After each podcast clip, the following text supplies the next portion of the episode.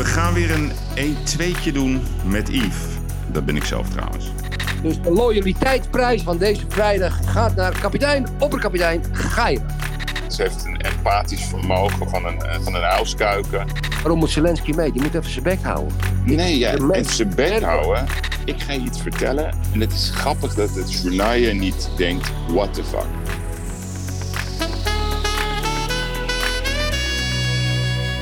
Ja, lieve luisteraars, beste kapiteinen. Het is weer tijd voor de gigs. Maar een hele aparte, want ik zit nu in de auto. Normaal zit Erik in de auto. Jossie bewaakt het honk eh, vanuit de kerk. Dus we gaan kijken hoe het lukt. En dan zeg ik altijd, er is een zaterdag en een zondag en een maandag. Ik wil het niet hebben over dinsdag. Het was de grootste vernedering die ik als Ajax-supporter ooit heb meegemaakt. Woensdag was ik nog steeds woedend. Ja, en donderdag. Ja, dat was de dag dat ik toch eh, besloot om eh, de familiebedrijven te eren. En ik stapte in de auto onderweg naar Knokken. En daar ben ik nu weer van terug. Dus die vrijdag, ja, dat is de enige vrijdag van de gigs. Jossie bewaakt het honk. Erik zit in Portugal. Ik rij over de snelweg. En ik zeg tegen u, ga er maar eens goed voor zitten. We gaan er een heerlijke podcast van maken.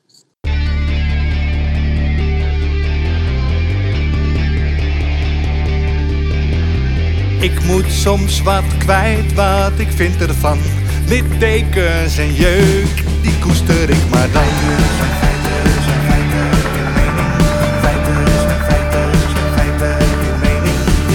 Duidelijk en luid. Riemen vast vooruit onze mening. Duidelijk en luid. Riemen vast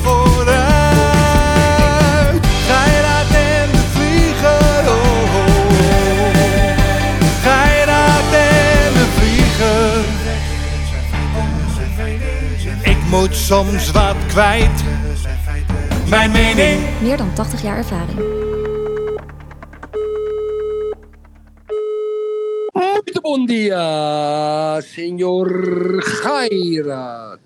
Molto bon dia, kapitaal Erik de Vlieger. Oh, een telefoon, telefoon. Ja, telefoon gaat nog door. Je zit, in een, je zit in een auto, hoor ik, kapitein Gairat. Ja, ik voel me net Erik de Vlieger. Normaal zit jij altijd in de auto. Ja, ja. ja, ik zat erover na te denken. Hè. Kijk, dames en heren, lieve luisteraars, goedemiddag, goedenavond, goedenacht. Neem een lekker wijntje of een kopje koffie, lieve kapiteinen. Ik neem een kopje koffie, Erik. Ja, kapitein Geirat eh, en ik hadden elkaar in de korte podcast gisteren aan de telefoon. En, en ik vond het echt wel een mooi verhaal. Daar heb ik gisteravond nog over nagedacht wat je zei. Dus een klant van je in Knokken. En je had eigenlijk geen zin om te gaan. Gisteravond had hij een soort opening. En, maar omdat die klant altijd zo loyaal aan jou is geweest in goede en slechte tijden. ehm, heb je eigenlijk gedacht van nee, fuck it, dat ga ik niet doen. Ik pak gewoon een auto, ik rijd naar Knokken toe en ik, ga, en ik blijf daar slapen. En ik rijd morgenochtend weer terug. Ja. Dus de loyaliteitsprijs hè, van deze vrijdag gaat naar kapitein, opperkapitein Geirat. Ah, dankjewel, Erik. Dankjewel. Heb je een stuk van je haar afgeknipt in knokken? Ja, ik heb eh, net Ja, even. mooi. eh, eh, nou ja, ik heb toch eerst een openingsvraag, Erik. Kan jij Oh. mij voor één keer uitleggen Ja. waarom ik 40 cent meer betaal als ik één meter over de grens ben in Nederland ten opzichte van België? Ik Ja. heb net even weer gekeken. Vijf meter voor de grens is het 40 cent goedkoper bij de Ja. Belgische tank. Ja. Ja. Leg het me uit, Erik. Nou ja, ik, kijk, ik snap het dat, niet. dat, dat wil ik je uitleggen, Yves. Dat is heel simpel. Er is een, ehm, een eh, wij, wij, wij, wij leven onder een overheid in Nederland die in rap tempo onze gehele economische concurrentieposities die we opgebouwd hebben sinds eh, de Tweede Wereldoorlog in een paar jaar willen vernietigen. De gasprijzen zijn het hoogste in Europa. Eh, olie en benzine hoogste in Europa. Het zou me niet verbazen als de waterprijs per kuub water ook de hoogste in Europa waren. Eh, D66 ligt op koers om onze economie eh, eh, langdurig over de klink te jagen, Yves. Dus dat is mijn uitleg. Oké, daar leg ik me Hm? dan maar bij neer, Erik. Ja. Dat, dat aanvaarden wij in stilte, maar niet zonder kracht. Hey, ik Ja. heb net eh, mijn haren... Kijk, mijn haren zijn vrij lang hè, op het moment. Nou, Staat- dat zag ik. Dat ja, zag ik, maar ja. het ziet er wel goed uit hoor. Godverdorie. Ja, lange haar staat je wel. Bij mij niet. Ik word er ouder van, eens Ja.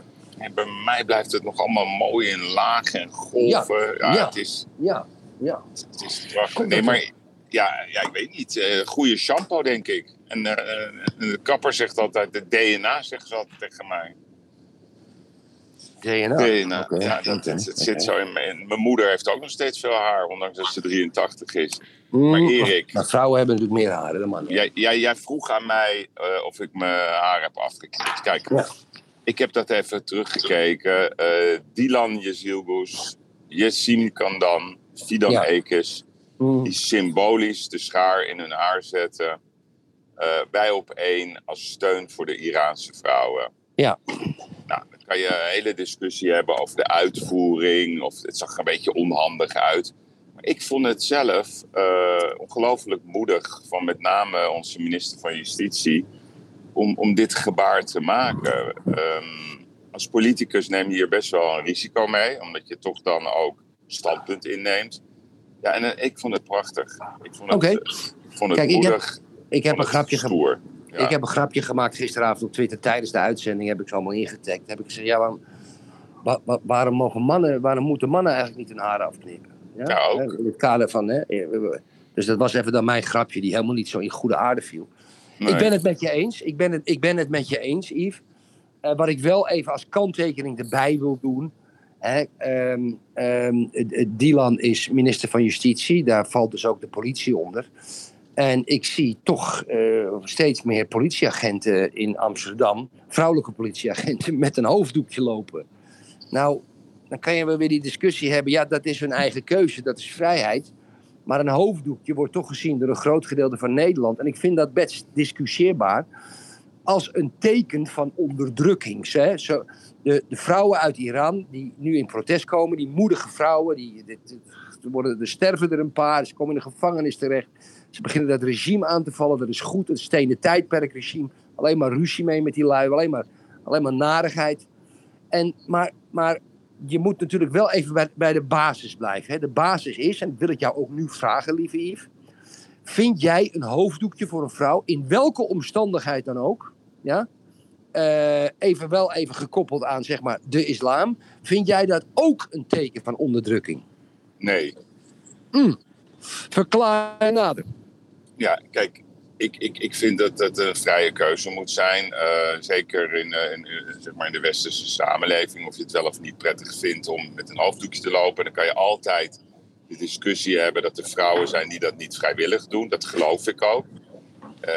Ik, ik snap dat ook soms niet. Ehm, wat ik ook nooit snap is dat eh, bijvoorbeeld als je in de zomer, Erik, in Frankrijk bent en dan is iedereen lekker op het strand en dan lopen daar dames rond, helemaal gesluierd in die hitte, in een zwart pak. Is dat Dat onderdrukking? Is dat onderdrukking? Ja, ja. Oké. Dus, dus het is best een moeilijke discussie. Je kan niet Ja. generaliseren, omdat je hebt zeg maar echt onderdrukking. Hè? Dus eh, Mhm. zo'n heel donker, zichtbedekkend eh, gelaat. eh, dat zie Boerka. ik- Een dat zie boerka. ik- ja, maar dat zie ik als onderdrukking. Mhm. Ik denk dat er heel veel vrouwen ongelooflijk trots zijn op hun hoofddoek. Alleen de discussie in Iran is natuurlijk een hele andere. Omdat ja, dat is gewoon een, een, een meisje geweest van 22, Erik. Die, die, die door, gewoon door zo'n zo, zo, zo'n schoft gewoon helemaal in elkaar wordt gerost. Tot, Ja. dodend, tot, de, tot de dood gevolg. Ja. Ja, en dat is goed dat nu eindelijk in de wereld spreekt. Je ziet ook zelfs in Nederland die Iraanse voetballer, ja, hoe heet die, eh, van Feyenoord. Ja, Eh, ja, ja, ja. Jan Kabaks of zo, jij Ja. kan niet goed uitspreken. Ja. Maar dat is zo moedig, want die man die heeft waarschijnlijk familie in Iran. Nou, de, de methode van, van zeg maar die, die Khomeini-brigade, die is toch altijd ook, we pakken je familie. We gooien je in kelders, we martelen je dood. Ik heb vorige week weer iets verschrikkelijks gehoord van Argos, hoe ze omgaan met, met Syrische dissonanten. Ja, er moet wat gebeuren. En, en het is voor het eerst dat ik zie dat er massaal zeg maar, een tegengeluid eh, zeg maar, wordt getoond. Ma- Mag ik ik ben heel even- benieuwd, Erik. Mag ja, mag ik, ja, ja, ja, wil mag- toch heb- mijn, heb mijn je- verhaal heb- afmaken. Ja, maar mag je ook, heb je je niet storen aangedaan, Yves, dat je niet gebeld kan worden? Oh, dat is een goede, Erik. Ja, daarom. Ja, dat had Ja. ik ook vergeten. Doe dat eventjes, want anders Ja, want zijn we anders, de eh, opname kwijt. Ja. Ja, ja, wacht even. Ja. Oh mijn Ja. god. Sorry dat je daar zo hard op in de reden valt, maar ik moest even. Maar keihard, hè, dit. Maar wacht, ik moet wel opletten, want ik rij nu. Ja, Dus, ja. oh, Wacht even, niet storen. Eh, hoe doen we dat? Rechtsboven, rechtsboven naar beneden. Je vinger. Focus, niet storen. Ja, goede actie van jou. Ja, sorry. Ga door, ga door, ga door. Ga door. Ehm, kijk, Erik, zaterdag is er een demonstratie in Den Haag. Ja. Nou ben ik toch echt heel erg benieuwd of daar eh, massaal gedemonstreerd gaat worden door eh, Kamerleden van GroenLinks. Ehm, Want dat is het dilemma. Dus je Mhm. hebt Je- Jesse Klaver, ik weet even niet meer hoe die dame heet. Ehm, Ja, ja. Hoe heet ze nou? Ja, ik weet wie je bedoelt. Het Tweede Kamerlid die ook ehm, eh, in verband werd gebracht met de Met de moslim. moslimbroederschap, ja. Ja, ja. ja dat, dat hoop ik, dat die er ook gaan staan zaterdag. Dus ook, is prima. Ik zou zeggen, ga lekker dromen, Yves. Ga lekker Nee, Oké, dromen. maar dat vind ik een interessante these. Omdat als zij daar niet staat, dan ben ik wel van de afdeling wie zwijgen stemt toe. Dit is het moment om te laten zien en ook te laten horen, je uit te spreken. Dat je Ja, er echt ja. opkomt. Nee, je komt nu echt op. En voor de vrouw. En voor de onderdrukking. En ook van de vrijheid van leven. Als je dat niet doet, als je nu niet die kans pakt, Mhm. maar wel altijd vooraan staat om te praten over vrouwenonderdrukking, moslimonderdrukking en wat het ook allemaal is. Ja, dan, dan ben je voor mij geen knip voor de neus waard. Dus eh, we gaan het zien, Erik, morgen. Ja, maar dan, dan, dan, dan wil ik die lijn even doortrekken. Ik wil dat Adje Kuiken daar gaat staan. Ik wil dat Sigrid Kaag, is minister. Maar ik wil dat een aantal Ja. D66-Kamerleden daar dan ook gaan staan. Dus Ja. we gaan het eens eventjes goed in de gaten houden. Dus We morgen gaan, al, hè? gaan, ja, we gaan peilen. Dus eh, ik denk dat een Wilders daar bijvoorbeeld wel staat. Die altijd eh, de, als de grote basher eh, wordt neergezet. Maar ik denk dat hij juist de man is die opkomt voor vrouwenrechten. Dus wordt heel interessant. Ik ben eh, Ja. benieuwd wie opeens eh, vanavond nog tot inzicht komt van... oh god, ik moet daar gaan staan. Oké, oké. we doen een oproep even over vrouwenrechten en vrouwengeweld. Eh Ja. eh, Yveske. we, we hebben natuurlijk gisteren de, ja, een soort van vrijspraak is natuurlijk met betrekking tot Johnny de Mol. Ja. Johnny de Mol die was, die, die werd beschuldigd door advocaten en een dame dat hij er een paar meppen had gegeven op een aantal gelegenheden. Daar was ook een soort band van, weet ik veel wat. Ja, ja. Eh, en eh, de, wat ik wel heel erg interessant vind, ik heb dat zelf nog nooit gezien.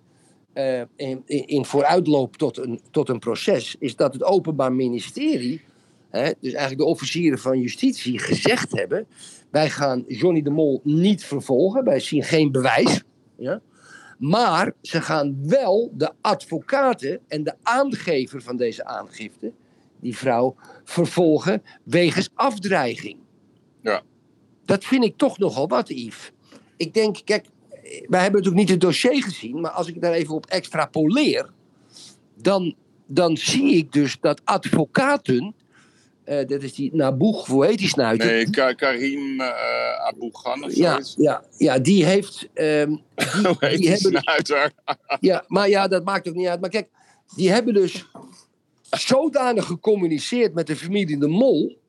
dat het Openbaar Ministerie dat, af, dat, dat, dat, dat labelt als afpersing. Dat vind ik nog. Afdreiging. Afdreiging. Dus met andere woorden, het is natuurlijk zo gegaan. Als jullie niet betalen, gaan we dat in de media brengen. Jullie moeten betalen, jullie moeten betalen. Dus dat doet het Openbaar Ministerie niet zomaar, hè? Nee, maar wat is je vraag? Nou, mijn vraag is: vind jij dat.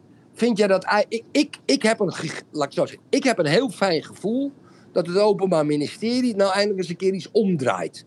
Want iedereen kan maar wat roepen. Ja? Van, hey, joh. En als het blijkt dat het om geld gaat, vind ik het heel goed dat het Openbaar Ministerie een voorbeeld stelt. Vind jij dat ook? Ehm, kijk, ik, ik, ik, ik ken deze zaak een beetje. Ook van, vanuit. eh, ik heb ook wat, wat inside eh, informatie gekregen dat dit eraan zat te komen. Ik, ik heb twee dingen. Kijk, aan de ene kant eh, laten we niet nou opeens gaan zeggen dat die Johnny de Mol een soort heilig boontje is, want dat is hij niet, Erik. Nee. die, heeft echt, echt, die heeft echt klappen uitgedeeld. Dat is ook een jongen die eh, altijd maar liep te roepen in Amsterdam. Dat hij, eh, als hij weer, zo, weer zo'n reisprogrammaatje ging maken, dat hij weer gescoord had. Hè, weet je, die wou graag die trophy girls doen. Dus het is echt geen, eh, geen brave, brave Johnny, om het zo maar te noemen. Mhm.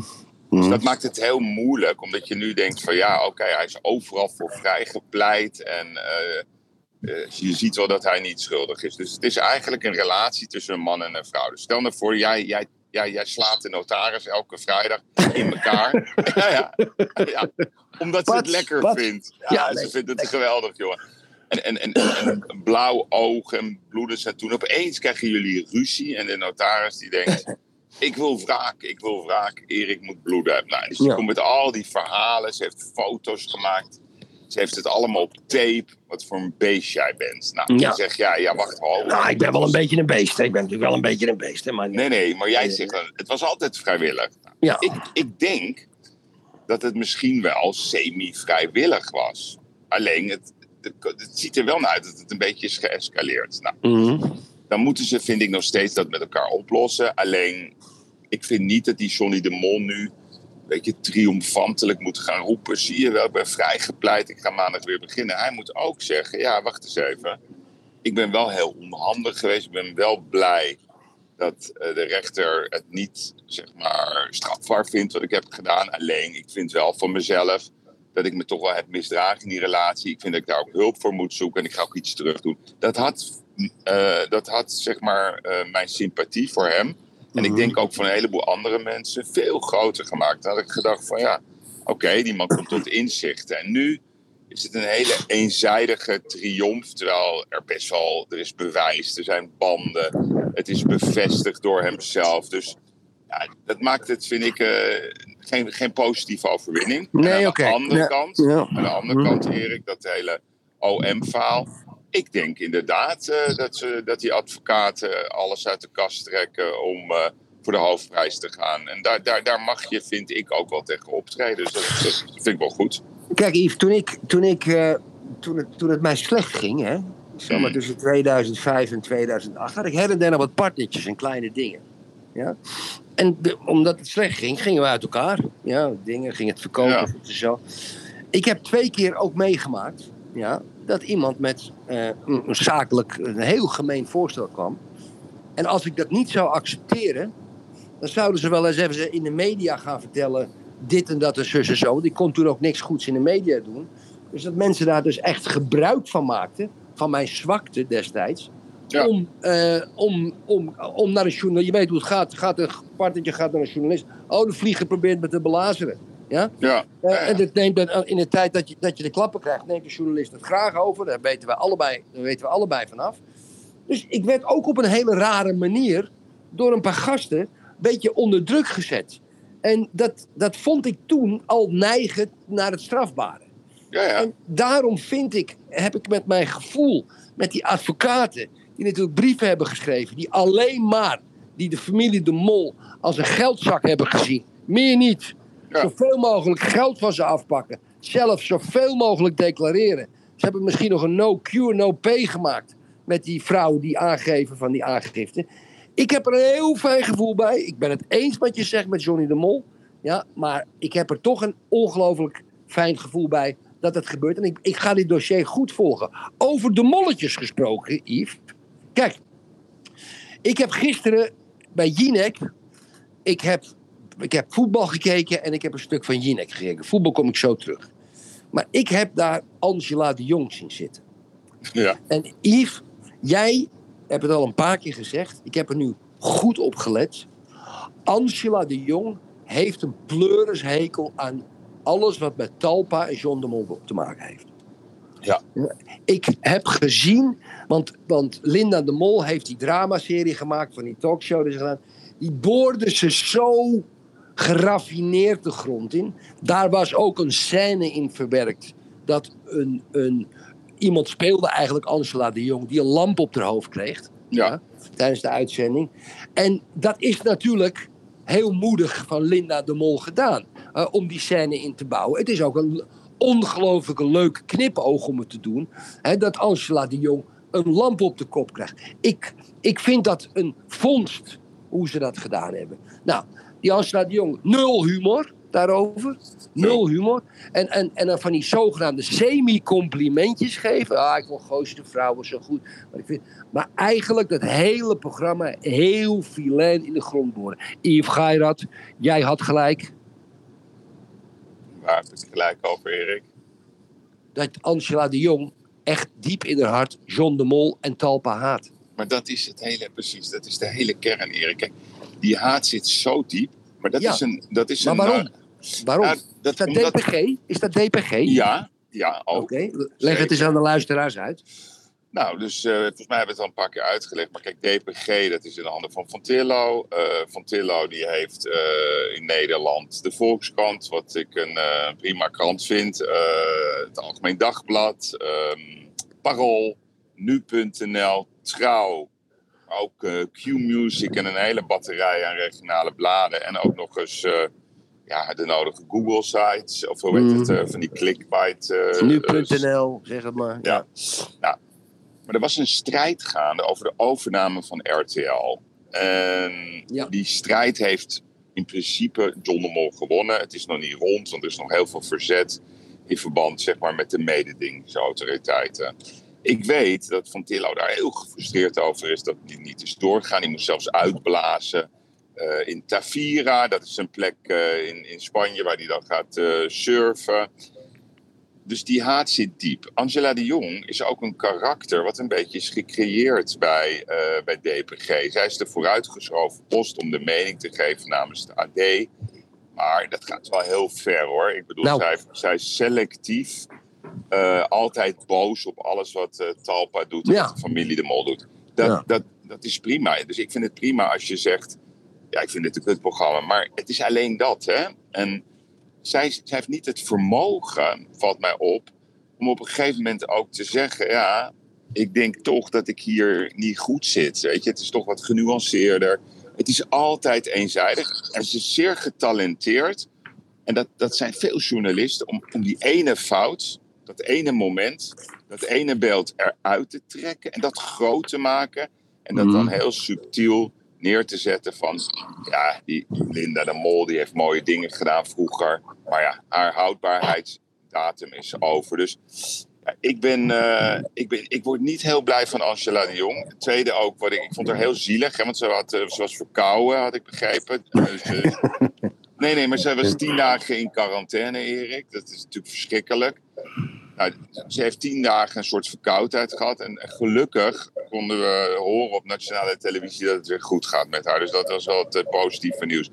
Ja, Erik, die vrouw die leeft gewoon in haar eigen bubbel, in haar eigen kokon. Ze is nooit bereid voor het debat. Weet je nog dat ik haar toen benaderd heb? Ja, ja. ja, ja. Ze, wou, ze weigerde om met mij te praten. Ze zei, Ja, dit is niet mijn dossier en ik ken het niet. ja. ja, leg Nou. even, kijk even aan de luisteraars uitleggen. Toen jij het hele DPG en die, en die, eh, die, die, die, zeg maar die, vol- die, die MeToo-affaire van Smeets, Ja. eh, wat, wat jij toen bewees en dat Van Tillo bij jou op kantoor kwam om daarover te praten, dat het gewoon verzwegen is door de Nederlandse kranten. Dat, heeft heel lang geduurd toen, toen het uitkwam, nog drie, vier, vijf dagen. Maar Angela de Jong, eh, die wilde daar niet aan. En dat brengt me bij mijn volgende punt, Yves. Is het niet heel erg gevaarlijk dat iemand met zoveel invloed eigenlijk een, een partijcolumnist is geworden voor de baas eh, binnen een zakelijk vlak? Ja, dat is een mooie vraag en dat, dat, is, dat is gevaarlijk, ja. Ja, dat vind ik dus ook. Ja, en dat, kijk, het punt is, het is zo moeilijk te volgen voor de mensen. Want ja, als je er ziet, denk je, ja, best een aardige vrouw. Ja. En, en die uitstraling heeft ze ook. Nou, leuk iemand. Ze is zo subjectief. En je Ja, ja. hoopt op object. Ik zou je een ander voorbeeld geven, Erik. Karib, ehm, hoe heet ze? Kadisha Riep Bergkamp. Hè? Ik bedoel, we hadden het Ja. net over de mol kaas. Nou, we, gaan- we gaan door met de, met de volgende battle. Daar, daar zie je dat de NRC. Ik, ik, heb, ehm, ik heb geluisterd naar hun eigen podcast over dit dossier. Mhm. Geschreven door Hugo Lochtenberg. En een dame met een hele moeilijke naam, dus ik ga die naam even niet uitspreken. Dat zijn, die hebben echt prima werk gedaan. Die hebben eh, met ambtenaren gesproken. Die hebben het ge- een reconstructie gemaakt. Die hebben eh, zeg maar dingen boven tafel gebracht die stil waren. Er zijn dus 100% ambtenaren die zijn niet blij met het leiderschap van Kadisha Rip Geweest. geweest. Maar een andere vraag die je kan stellen, Erik. Waarom kiest eh, het NRC er niet voor om ook de mensen aan het woord te laten die wel heel enthousiast zijn over haar Zoals, leiderschap? zoals HP de tijd twee dagen later wel deed. Voilà.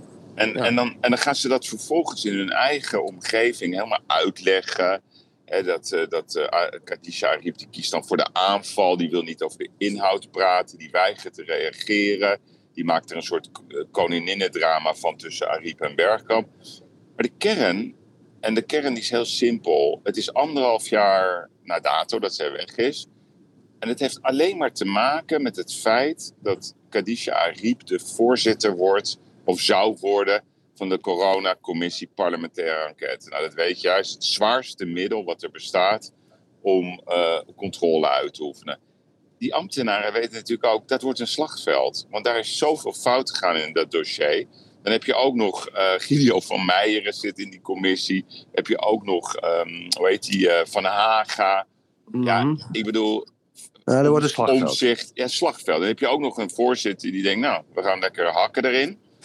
Ja, dus ieder, ik denk Dus dat... mag, ja, ja, mag ik hem Ja. even samenvattend knippen dan, Yves? Want ik, ik, ik, ik bespeur bij jou dat eh, eh, kapitein, de luister goed, de NRC kwam natuurlijk met het nieuws. Hè? Die, kwamen, die kwamen met, zeg maar even, de scoop over de Nou ambtenaren. ja, ze kwamen over- met de scoop dat het presidium voor het eerst onderzoek gaat doen. Ja, ja. Ja, Ja, dat is en- hun scoop. Dat vinden zij de scoop.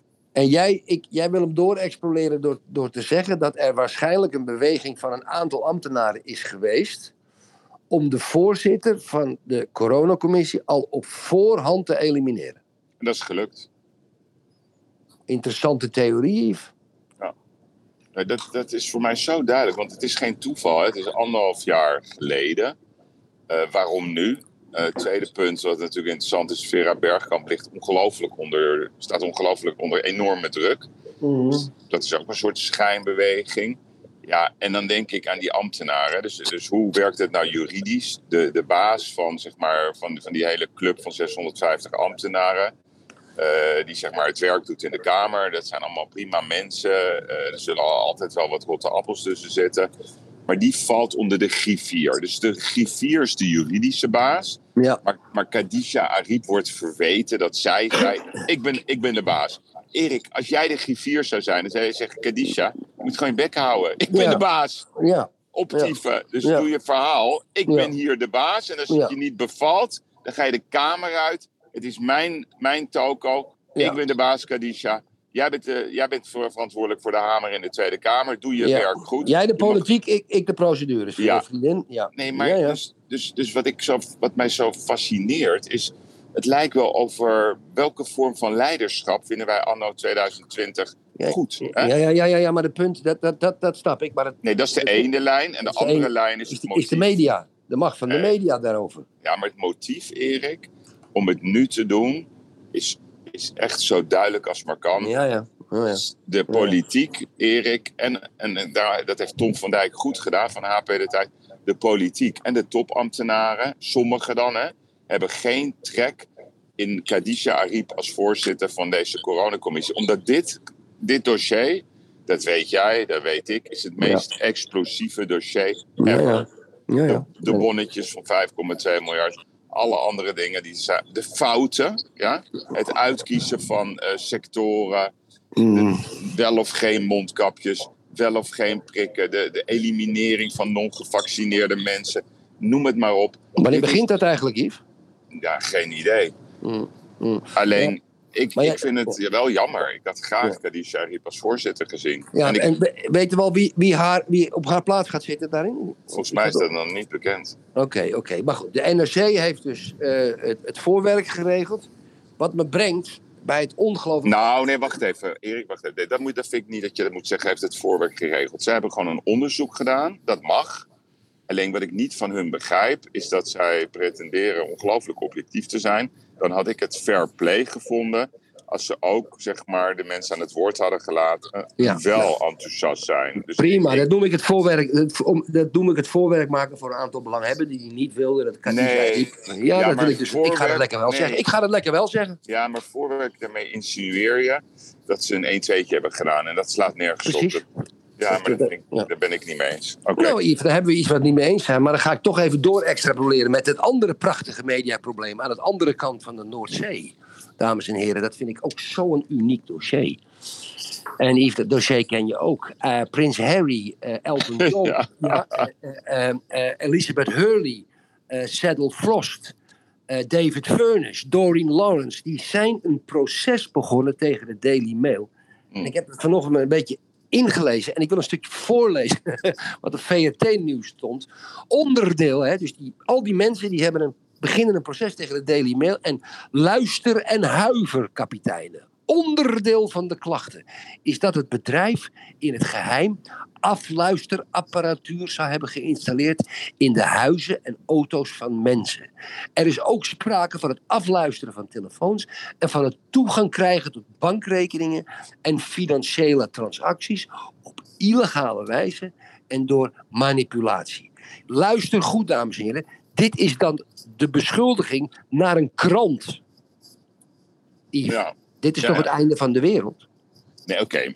Maar Erik. Wat, eh, Nee, nee, dat, jij zegt het is einde van de wereld. Maar we kennen dat verhaal met, hoe heet dat ook alweer? De mm, News of the World of zo heette dat. Wat helemaal ten onder is gegaan. ja, ja, ja.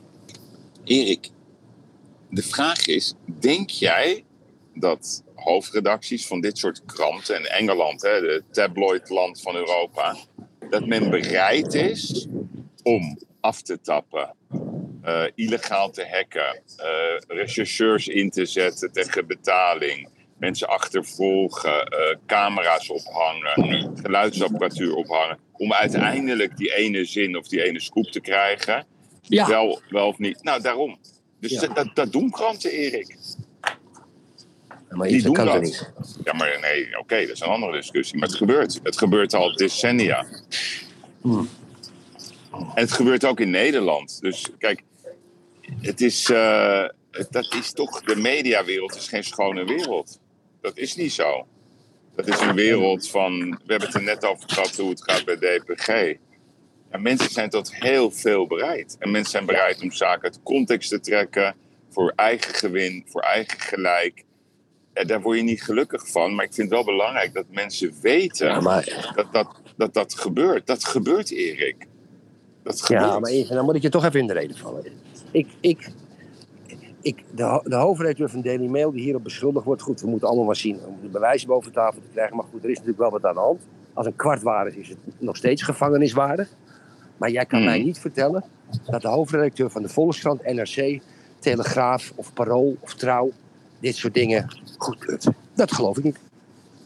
Nee, nee, wacht even. Jij gaat nu namen noemen, dus dat wil ik niet doen. Ik zeg tegen jou, ik ben ervan Oh, overtuigd. wat, ben je, wat ben je politiek correct zeg? Wat ben je voorzichtig? Nee, nee, ik ben niet voorzichtig. Maar je kan toch niet zomaar zeggen... ja, wij vinden dat de Telegraaf dit doet of het NRC. Dat, dan moet je een voorbeeld noemen. Dus ik, het enige wat ik tegen Nee, jou zeg, zeg... ik, zeg, ik zeg dat ik het me niet kan voorstellen dat ze dat doet. Ik weet niet of je ons liedje kent van ons song, wat eh, Ja, Thomas Oké, dus we gaan nu de feiten. mening. We ja. gaan nu de mening in. Ja, Ik ben ervan overtuigd, meer dan overtuigd, dat in Nederland er ook media zijn die zeg maar onorthodoxe eh, methodes inzetten om hun interesse in de waarheid te achterhalen. Ja, daar ben ik van overtuigd. Nou, ik dat ook. is, nou, en hoe je dat doet, ja, er zijn meerdere manieren, zeg maar, hoe Abraham de Mos dat kan vinden. Of hoe, hoe je, zeg maar, bij je, bij je eindstation kan komen. Dat gebeurt, Erik. Dat gebeurt echt. En dat gaat op allerlei manieren. Ja, dat is niet oké. maar misschien, soms, als het maatschappelijk relevant is, is het wel oké. Alleen, Mhm. dit soort praktijken, ja, dat vind ik niet zo interessant. Want dat is allemaal gossip en nieuws. En ja, dat, dat shit zelfs, weet je. Dat noemen ze tegenwoordig juice-kanalen.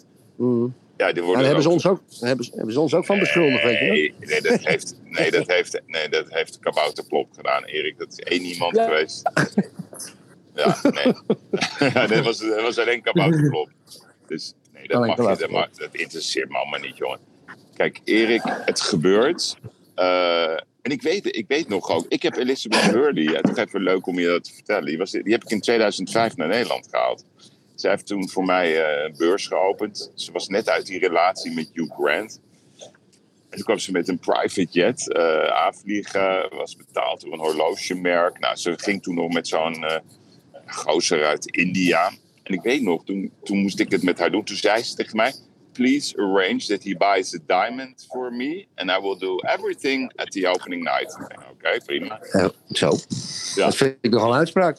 Ja, ja, nee, oh god, het wordt gevaarlijk, eh, kapitein vlieger. Maar in ieder geval, zij zei, dit is de most sexy event ever. En ze stond daar op dat podium en dat vond iedereen fantastisch. Ja. Maar toen had ik het er al eh, over met haar, met al die foto's en het nieuws. En toen zei ze al, ja, it's a different ballgame in the UK. En dat zei ook Sarah Ferguson, die heb ik ook in Nederland gehaald. Die zegt, in Engeland zijn ze tot alles bereid. Ik bedoel, Ja, ja. Ten Hag, hè, die heeft nog geen idee waar hij in terechtgekomen is. Ja, als, maar- het, als het vier wedstrijd. Maar ze, ze bedenken alles. Als het, het is een keiharde wedstrijd.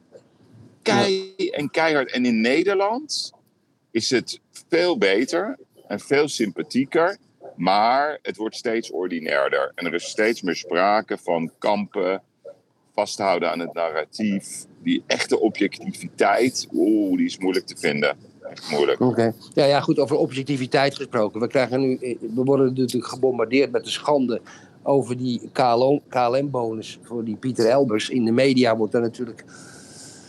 Ja, er wordt er met afschuw, columnisten, eh, artikelen in de kranten. De, de, die voormalige eh, eh, de- topman van de KLM, die Pieter Elbers... Die Ja, heeft Pieter Elbers, ja. Die heeft natuurlijk wat eh, 1,2 miljoen of zo kreeg je, dat is weer 5 ton. Die heeft natuurlijk een bonus gekregen in deze tijd. En iedereen ehm, eh, spreekt daar schande over. Ja. dat kunnen we nou allemaal wel zeggen, Yves. Maar de rechter heeft het beslist. Ja, Erik, en en we leven, jij- nog steeds, we leven ja. nog steeds in een land waar de rechter de beslissingen neemt, Yves. Dus ik, ik weet niet. Ik, ik, en, ik kan, en dan lees ik al die kranten en die man die wordt natuurlijk op allerlei manieren door de sluik gehaald. Het klopt ook niet, het is ook niet goed. Ik zou het, als ik hem was, ook niet doen. Ik had het wat, wat, wat bescheidener gedaan of weet ik van wat. Stuur de helft naar een goed doel. Maar de rechter heeft beslist, Yves. Ja, ik, twee dingen. Kan jij, heb jij die uitspraak van de rechter erbij? Want ik, ik las iets. Ehm, dat vond ik heel interessant wat die rechter zei. Die, die stelde Ja, het belang van goed werkgever eh, boven, zeg maar, die, die, die zetten dat hoger dan de feitelijke eh, afspraak Ja. dat er geen bonussen mochten worden uitgegeven. Wat zei de rechter nou precies? Kan Nou, de rechter precies? zei. Ja, maar de rechter zei meerdere dingen. Maar een van. Hij zei eigenlijk. Kijk. Zeker in deze coronatijd vond iedereen ongepast om de bonus te geven. Dat hebben ze niet gedaan. Toen is hij naar de rechter gegaan.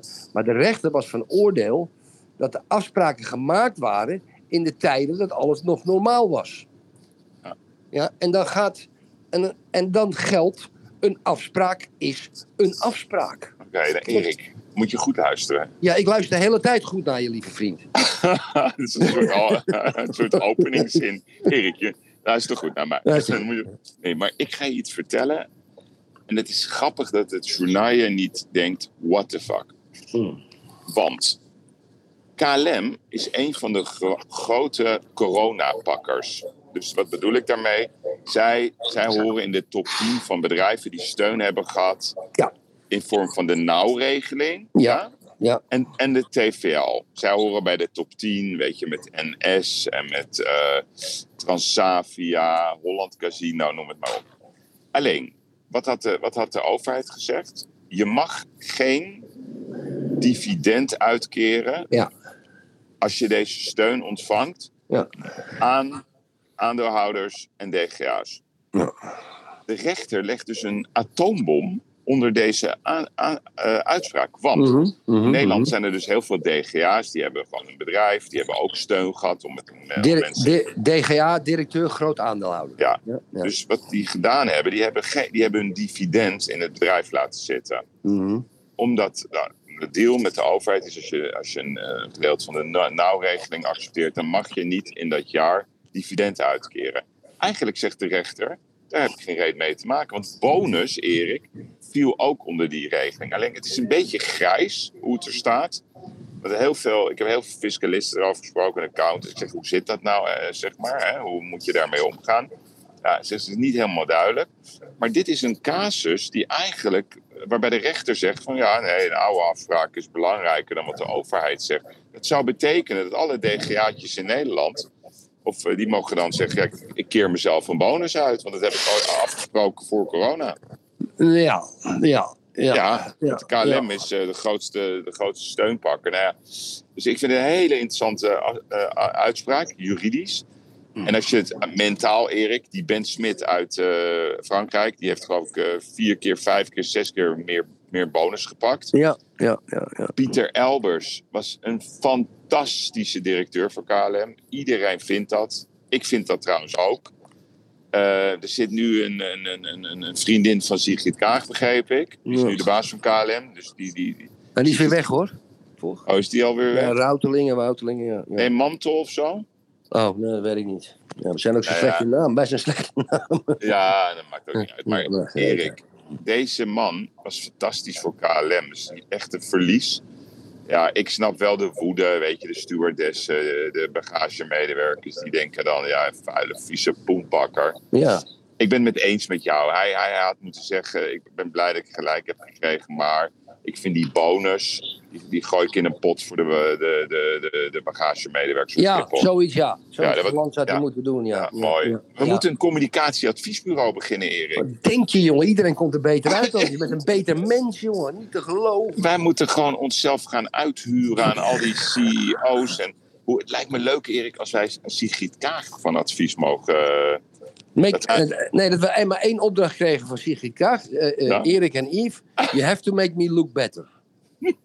ja? ga ik Leek op een Zadenhof bellen. Ja, dat is, ja, dat is optisch, ja. ja. Ze wordt wel gehaat, hè, Yves. Jezus. Oh, Oh, jongen, wat, ze, wat die vrouw over erheen krijgt op social media. En ik heb er ook wel aan meegedaan. Ja, niet heel onbeschoft. Maar jezus, mina. Alles wat ze doet in de Kamer is een debat.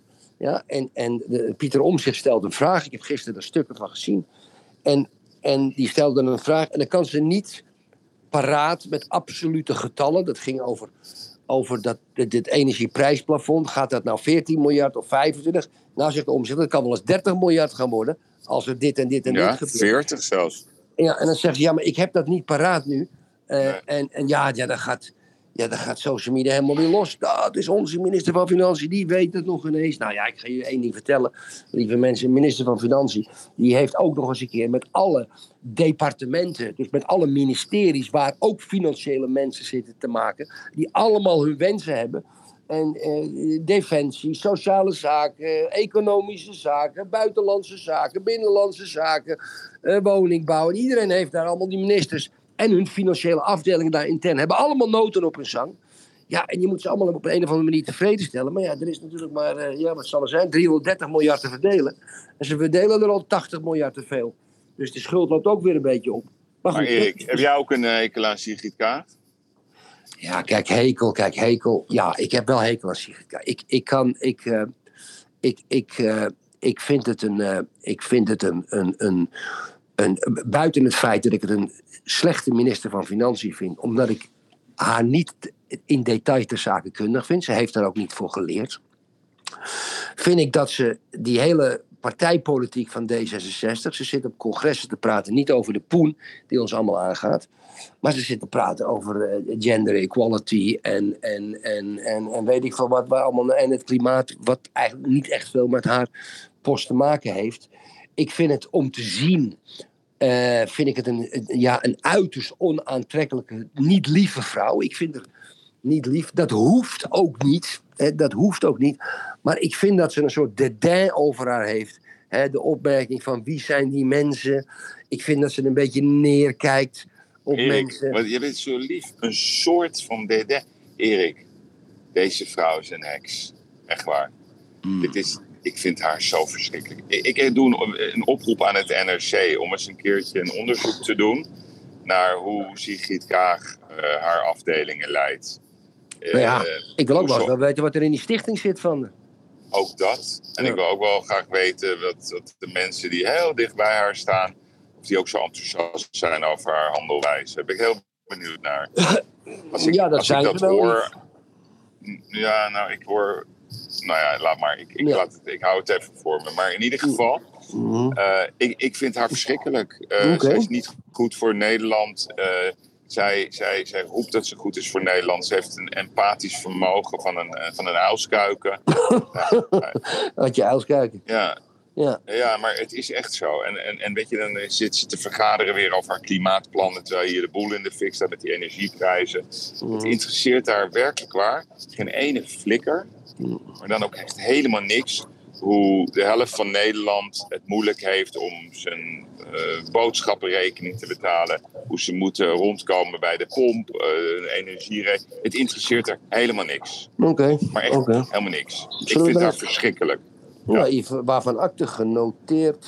Zullen we prijsjes gaan uitreiken, Jos? Ja, goed idee. Maar daarna wil ik toch even over buitenlandse zaken gaan. Ik wil toch met jou over Poetin hebben, Merkel en Biden Ah, en Zuid-Korea. Ik, ik ben ook gek op eh, buitenlandse zaken. De, de, nou hebben we Jossie zitten in de studio. Jij rijdt ergens door Nederland. Ik zit op een kantoor Zie alleen maar groen, hè, Erik? Alleen maar Alleen maar groen. geen- Maar er moeten meer gebouwen komen, begrijp ik. Prachtige natuur zie ik.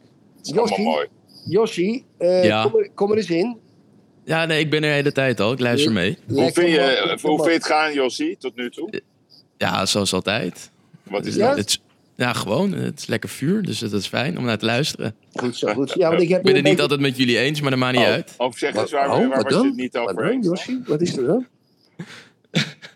Ja, daar, daar kunnen we een hele podcast over Nee, maar doe dus ik even denk dat we één- dat één verlaten. ding. Eén Eén punt. puntje, één puntje. Ja, ja, toch dat de hele tijd die Sigrid Kaag blijven aanvallen. Wat je net zei, pap. Eh, Ja. Dan denk ik van, ja, ik zou dat niet oproepen, maar oké. Mhm. Maar wat oproepen Want die vrouw die dan? krijgt er zoveel over zich heen. Ja, Ja, dat de- onderzoeken van en dat Ah, ding wat over haar met die, met die stichting en weet ik veel wat. Dat denk ik van ja, het hoeft niet. Oké. Oké, Ik vind het- mooi. nee, ik vind het wel mooi. Dat, dat is, geweldig. Ik vind het- ja, Nou, bedankt. In de Staat podcast. Dit is Staat ook- genoteerd. Ja, mooi voor het evenwicht. Ja. Eindelijk worden, Eindelijk worden we gecorrigeerd. Rot jij lekker volgende keer op, Jossie? Nee hoor. Jossie, je bent... eh, Ik ga weg, ik loop nu weg hè. Ik sta gewoon op, net zoals wat zij ook deed. nou, Oké. Ja. Zullen we gewoon spin the wheel gaan doen, want the blijven we maar Le- lachen. Je hebt- heb, je Leo- heb je Leontien in een kort rokje die het wiel draait? Nee, dat ben ik zelf. Ik heb zelf een rokje aan. Oké. Lekker man, lekker, lekker. Oh, Lekker. mooi, Ja, maar lekker, lekker allemaal gender neutral. Oké, Ja, ja. we gaan beginnen met de eerste prijs. Oké. Dat is een nee, wacht even, dat doe ik altijd anders. Oh, de eerste prijs, niet de eerste Ja. prijs. Nee, gewoon. Ik begin gewoon mee, met. Ja, wat inderdaad. Ga gewoon lekker rijden. Ja, ja, Ik ben nu even mijn ding aan het doen. Ja, snelheid. de, de microfoon is aan jou. Dankjewel, Erik. Dankjewel. Oké. Oké, we beginnen met prijs 1. Ja. Dat, is het, dat, zijn, eh, dat zijn er drie, dus we gaan een combo doen. Dat is een mannenfacial bij de kliniek Mister Amsterdam. Een en dan krijgen, krijgen ze een signature Ik ga het voorlezen. Ze krijgen een signature facial bij Miss Amsterdam. Met premium skincare treatment.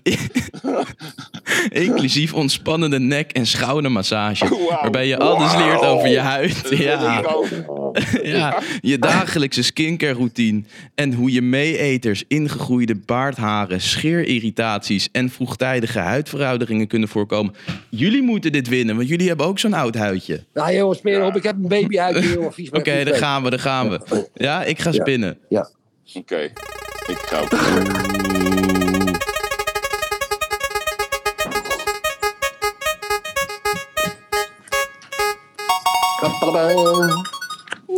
Oké, nou, gefeliciteerd. De eerste. Kapitein Chelsea uit Haarlem. Chelsea, Gefeliciteerd. Kapitein Chelsea. Mooi nou, mooi nou. voetbalclub. Ik heb een, we hebben een naamgenoot, kapitein Yves uit Zandvoort. Hm? Nee, Ja, Daar ben ik geboren. geweldig. Ja, mooi, Yves Uit toch? Zandvoort. Waar begint ze, welke letter begint ze achterna mee? Eh, D. Van Dirk. D en, en Yves gewoon met Y-V-E-S. Ja, ja. Jongen, Eh, jongen. en dan eh, Mooie de naam, zeg. laatste. Kapitein Nout uit Wassenaar. Was nou? Oh, daar zit geld. Hm. Het is wel allemaal eh, het grote geld. Zandvoort, Ja. eh, Wassenaar. Oeh. Ah, Oké, nou, Jeetje, zullen we dan naar de volgende Ja, gaan? Haarlem. Oké. We gaan, Ja, we gaan voor de beauty cases skincare. Jeetje, Oh. weer. Eh, ja, we hebben allemaal, allemaal skin- en eh, huidproducten. Oké. Maar wat Voor krijg je dan? Een, een, een, wacht even, krijg je dan een soort eh, een tas of zo? Of moet je Nou, ik ga het vertellen. Oh, Oké. Mag ik het vertellen of wil jij alleen maar aan het woord blijven? Ja, nee, Ja. vertel maar. Oh, Eh, daar komt weerstand. Drie gelukkige kapiteinen hebben we een luxe beauty case van ANG Skincare. Met skin essentials voor een gezonde huid. Een heerlijke case met verzorgende produ- producten. Ja, ik, ik, ik, ik- ja, wie wil dat nou niet? Weet je, kom Ja. op. Ja, Oké, let's wel. go, let's go, daar gaan we. Oké, oké.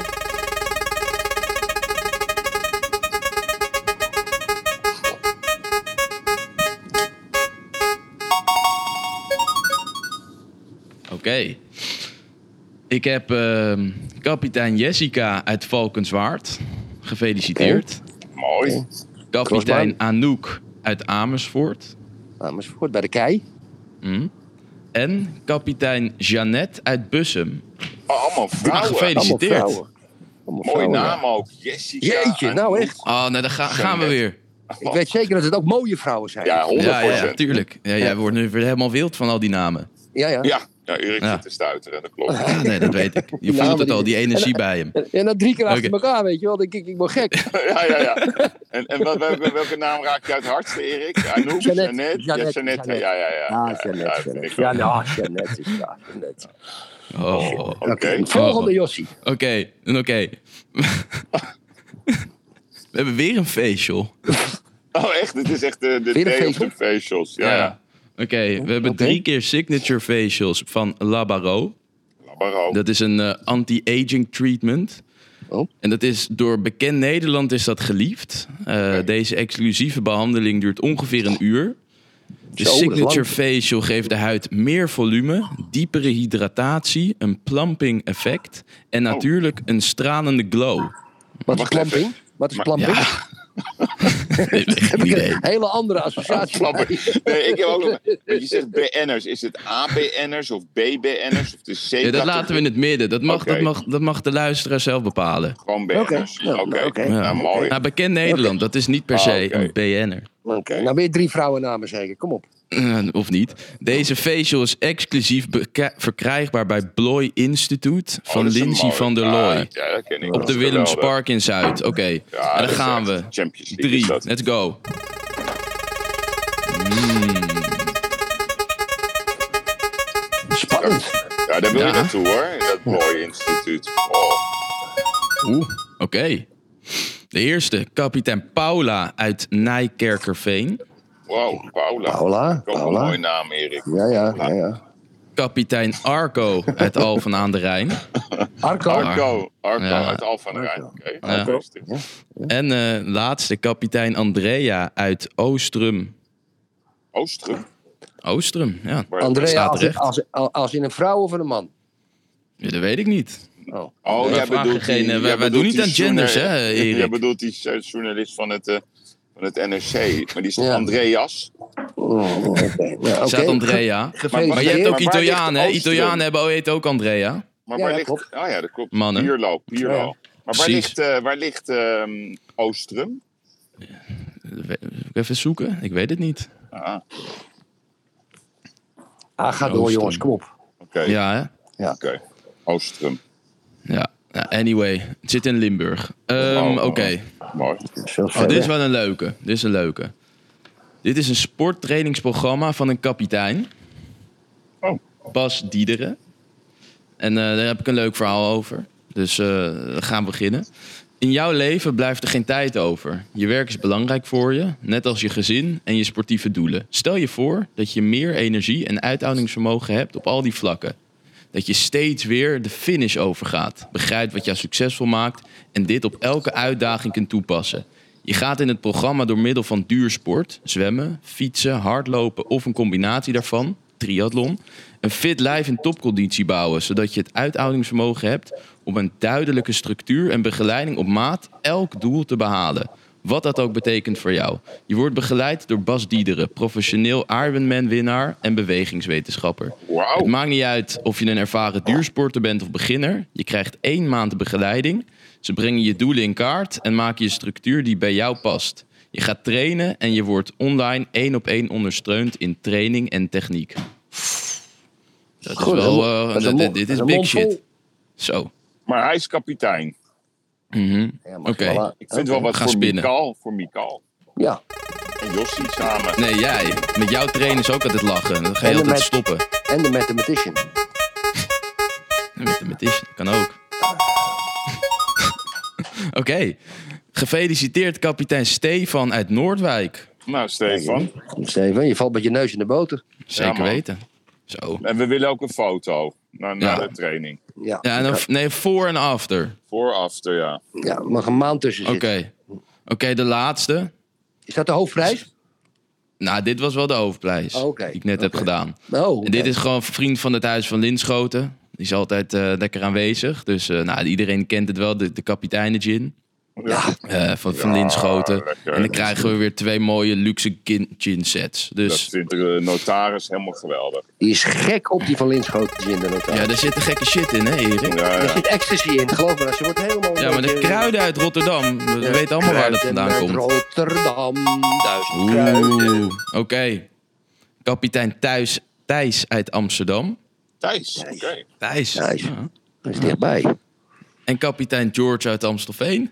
Oh, Oh. Zijn toevallig geen vrienden van je, Jossie, dat je vals gespeeld hebt? Nee, nee, nee. Geen vrienden van je. Nou, Jossie, dat heb je geweldig gedaan. Ja, Ja. graag gedaan. Je Maar vond het ook leuk. Zullen we dan gelijk, want misschien hebben we Jossie nog even nodig. eh, gelijk Nou, ik ben even er sowieso wel bij. Doe de verrekijker gelijk even. Ja, Ja, Ja. zou ik die aanzetten? Ja. Oké, Ja, die komt die, ja? Ja. Doe maar. De Ja, verrekijker. Beste kapiteinen, ik heb een nieuwtje. Zeg maar een stevige primeur. Voor 1 november wordt bekend dat Nederland tot en met 2025 verzekerd is van de Grand Prix in Zandvoort. Dit houdt dus in dat de organisatie de financiën rond heeft en in staat is om de twee optiejaren te lichten waarin het contract met Formule One Management voorziet.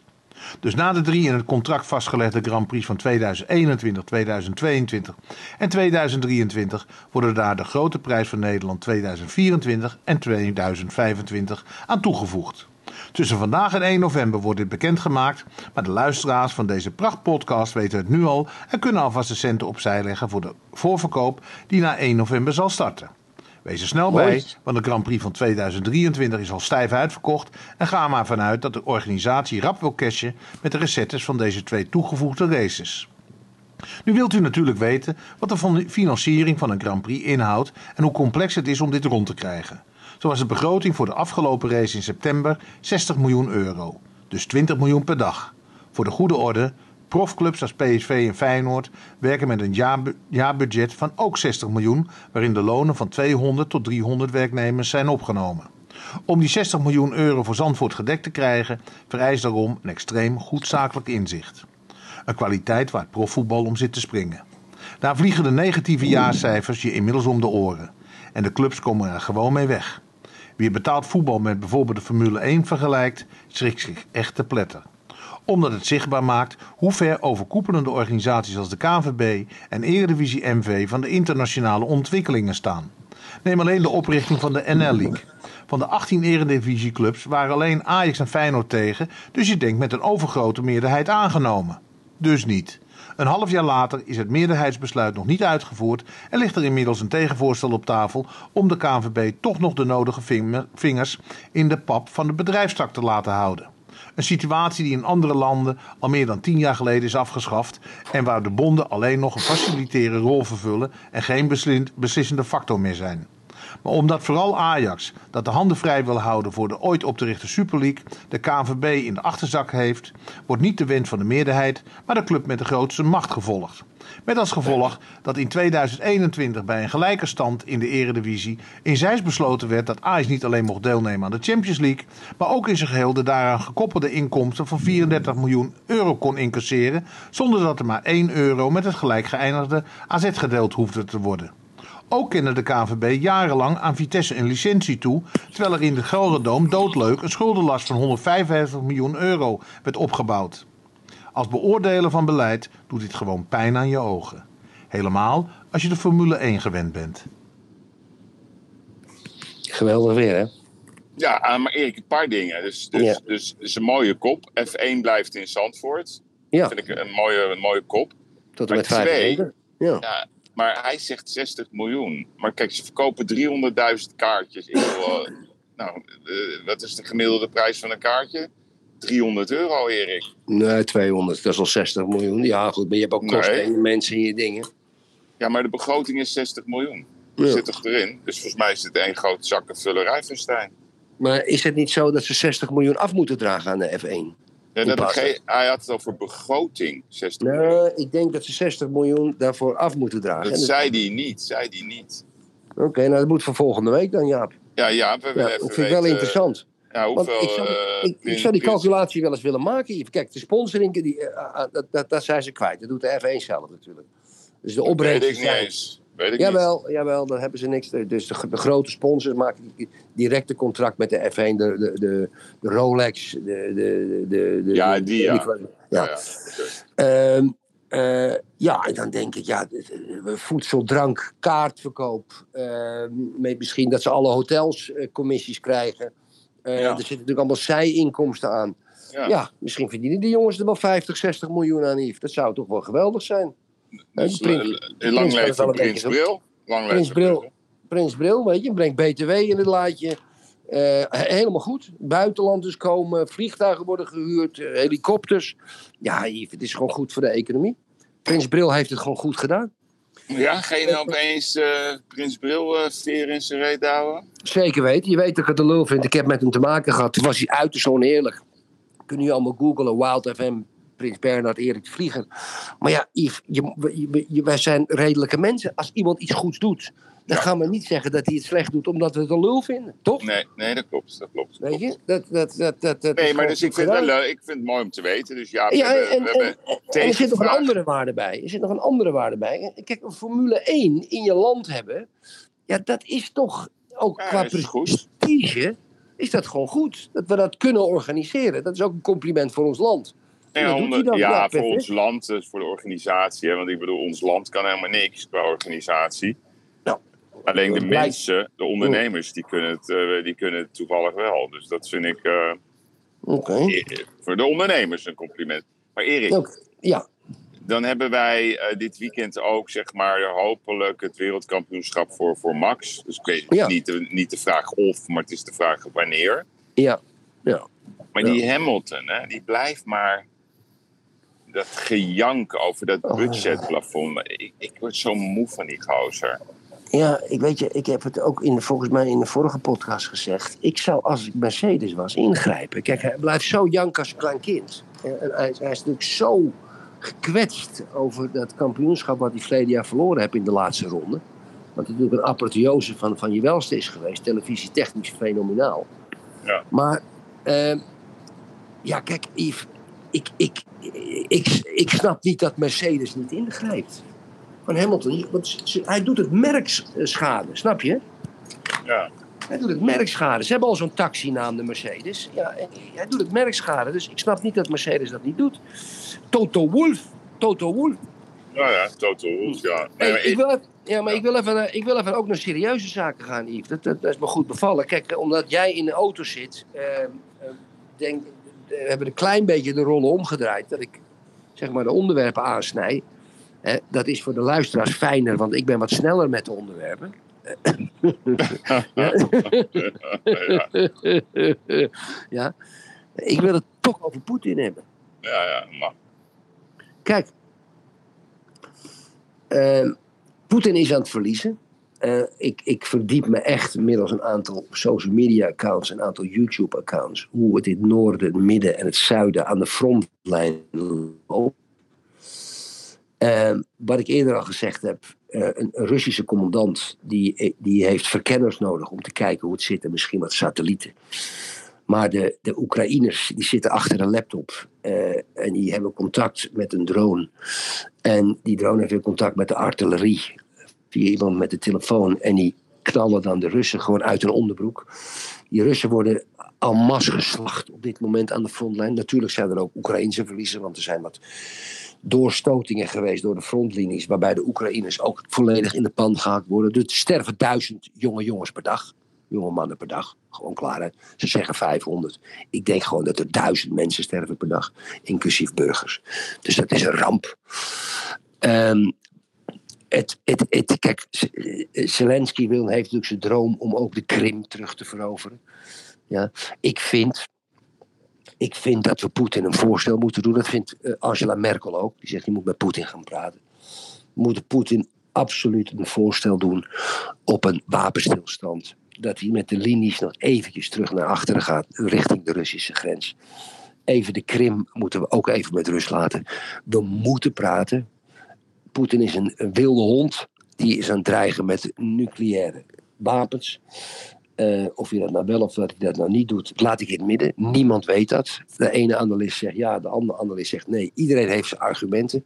Ik heb daar allemaal niks aan. Feit is dat hij 4.500 atoomraketten heeft, waarvan eh, eh, 1700 tactische, tactische zijn die je vanaf 500 kilometer kan gooien, afstand. Die alleen een klein gebied behelzen, zodat één, het gebied onbegaanbaar wordt en twee, alle artillerie, tanks en alle hardware vernietigd wordt. We moeten kosten wat het kost dat voorkomen. We moeten met Poetin praten, Yves. En ik hoop dat je het met me eens bent. Oké. ehm, kijk, ik, ik ben ook eh, voor vrede, dat is iedereen. Alleen, denk jij dat je met een wilde hond kan praten? We moeten wel. Ja, maar tot nu toe heeft het geen enkele zin gehad. Weet ik niet, weet ik niet, weet ik niet. Ik weet, nee, Erik, dat, dat weten Erik. wij niet, Yves. Nee, er zijn zoveel pogingen gedaan door Macron, door Merkel, door Biden, door Erdogan. Iedereen heeft het met hem geprobeerd. Nu, nu zit hij heel duidelijk in de paniekstand, want hij is aan het verliezen. Ik bedoel, de feiten zijn overduidelijk. Ja, vind je niet dat je dan op een gegeven moment het gewoon ook gewoon moet afmaken? Nee, niet als hij kernbommen heeft. Ja, nee, maar dat is, dat is elke keer wat hij achter de hand houdt. Hè? Dus ik Ja. bedoel, Ja, maar eh, heb Kadirov, heb je kolonel-generaal gemaakt. nee, oké, maar Kadirov. Ja, Ja, dus, maar dat geeft aan dat hij in paniek is. Jij kent Kadirov, jij hebt Kadirov ontmoet, hè? Ja, ja, ik heb hem ontmoet. Dat is, Ja. niet, heel, dat is niet afdeling gezellig. Nee, maar dat is toch, dat heb je een aantal, een aantal jaren geleden in de podcast gezegd. Maar omdat Kadirov zo actueel is, Ja. ehm, wil ik er toch nog even met je op ingaan voordat we met Poetin doorgaan. Mm. Was hij, was hij aardig tegen je?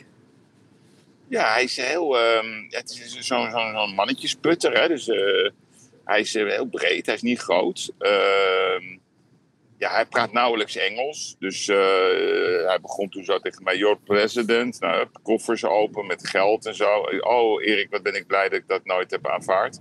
Ik mocht pakken wat ik wilde uit die koffers. Ik zei: Nee hoor, you're my guest or you leave the building. Toen pakte hij me in een soort ja, een soort, soort, soort Ipon, eh, Ipon-houding. Zei hij, if you have any problems, you call me. Dus ik denk, nou, ik zeg, I don't have problems, maar... eh, Heb je, heb, je zijn nummer, heb je zijn nummer nog ergens? Gaan we een keer bellen in de uitzending? ja. Toen zei hij, if you, have, you call me. Ik, eh, dus ik zeg, nou, I don't have problems. Toen zei hij ook, je weet het, dat heb ik een paar keer gezegd. In Moskou, everybody has problems. Nou, en toen, toen begreep ik al in 2005 hoe Poetin zijn land had georganiseerd. Dat had hij verdeeld in eh, oligarchen, in ja, strijders. Kadirov, die loste de problemen op voor hem in Tsjetsjenië. En als tegenprestatie mocht hij doen wat hij wilde. Alleen Kadirov is zeg maar van dat groepje ja, het meest, meest eh, vasthoudend, wild. Eh, mensenrechten bestaan niet in het leven van Kadirov. Als je ziet hoe ze daar omgaan, eh, standrechtelijke executies. Eh, je hebt gezien in het begin hoe hij met die Tsjetsjenen daar helemaal tekeer ging in Oekraïne. ja, ja, ja, Ja, je moet ook op een gegeven moment jezelf de vraag stellen: eh, moet je met dit soort mensen, dit zijn gewoon terroristen. Maar wat daar- wilde Kadirov? Maar wat wilde Kadirov nou precies van je? Hij wil gewoon naar binnen. Dat is het enige. Ik bedoel, hij was keurig. Hij wou gewoon naar binnen en een leuke avond hebben met, eh, met zijn Ja, ja. companen. Ja, En allemaal, de- allemaal, di- allemaal dingen kopen bij, bij ding- en zo. ja, Dingen, dingen kopen. Alleen, ja, ik werd een beetje eh, ik werd ongemakkelijk van die man. Ehm, maar kijk, ik denk dat iedereen inmiddels wel weet hoe, hoe het daar is georganiseerd. En ik, ik hoop ook dat mensen begrijpen dat de Russische cultuur en de cultuur van zaken doen zijn andere als de westerse. Ja, Dat geldt, ja. geldt ook voor het Midden-Oosten, geldt ook voor, voor Aziatische landen. ja. Dus wij, wij moeten ophouden om de, eh, zeg maar, dit soort gebieden te gaan leren wat democratie is. Dat, dat, dat moeten we niet doen. Alleen, je moet je wel de vraag stellen: wil je, ga je erin mee dat, dat eh, dit soort leiders gewoon landen gewoon een soeverein land gewoon even binnenvallen en gewoon, gewoon eh, ja, hoe heet dat spel? Dat bordspel? eh, Mm, risk, risk. risk, ja, Ja. Gewoon een landje veroveren. Ja, want ik vind dat ik daar recht op heb. Ja, dat kan niet. Dus, nee, maar ja, oké, maar dan ga ik even terug op je eerdere woorden. Hè, maar ik had het over de, bij mij de angst voor één kernbom en wat er dan gebeurt. Ja. Maar jij zegt, moeten we het niet afmaken? Dat zei jij net. Ja. Ja, ben, je, ben jij daarvoor? Ja, eh, wat ik vind is niet zo belangrijk. Kijk, ik, ik denk dat... Jawel, dat is wel belangrijk. We hebben een kapiteinenlijn. Kom op nou. Ik heb ooit tegen jou in het begin gezegd eh, dat ik niet begreep toen het begon. Hebben wij een enorme discussie toen met elkaar over gehad. Jij was eh, lang leven Poetin. Ik was er een week van. eh, Nou, lang leven Poetin niet. Ik, heb, ik, ik, ik, ik had een hele... Dat is niet waar. Dat is niet waar. Goed, maar ga door, dan zal ik je uitleggen hoe dat zit. Nou ja, oké, maar ik, ik, ik zag al die beelden, wat hij deed, hoe die raketten en hoe vooral die, die Kadyrov-strijders tekeer gingen. Onschuldige kinderen, eh, moeders, oma's, werkelijk waar mensen werden uit hun Ja, huis oké. Eh, oké. afmaken of niet? Ik begrijp niet waarom ze toen niet meteen dachten van oké, deze man die is, die, is, die is tot alles in staat. Ja, we, toen hadden ze kunnen ingrijpen. Toen kon Ja, maar dat. Yves. Ja, maar Yves, moet je nou goed luisteren. Kijk, Toen kon dat, Erik. Ja, dat, dat, toen kon dat. Dan heb ik nog twee casussen voor je. Kijk. Kim Jong-un, ja, die gooit op dit moment, schiet raketten boven Japan. En die, Ja. komen dan, die vliegen over Japan en die komen dan ergens in de Atlantische Oceaan terecht. Waarom doet hij dat? Niet voor zijn lol. Dat doet hij omdat er opeens een Amerikaans vliegdekschip ligt in de Zuid-Koreaanse zee. Bij de Zuid-Korea. Ja. Ja. Dat is allemaal provocatie.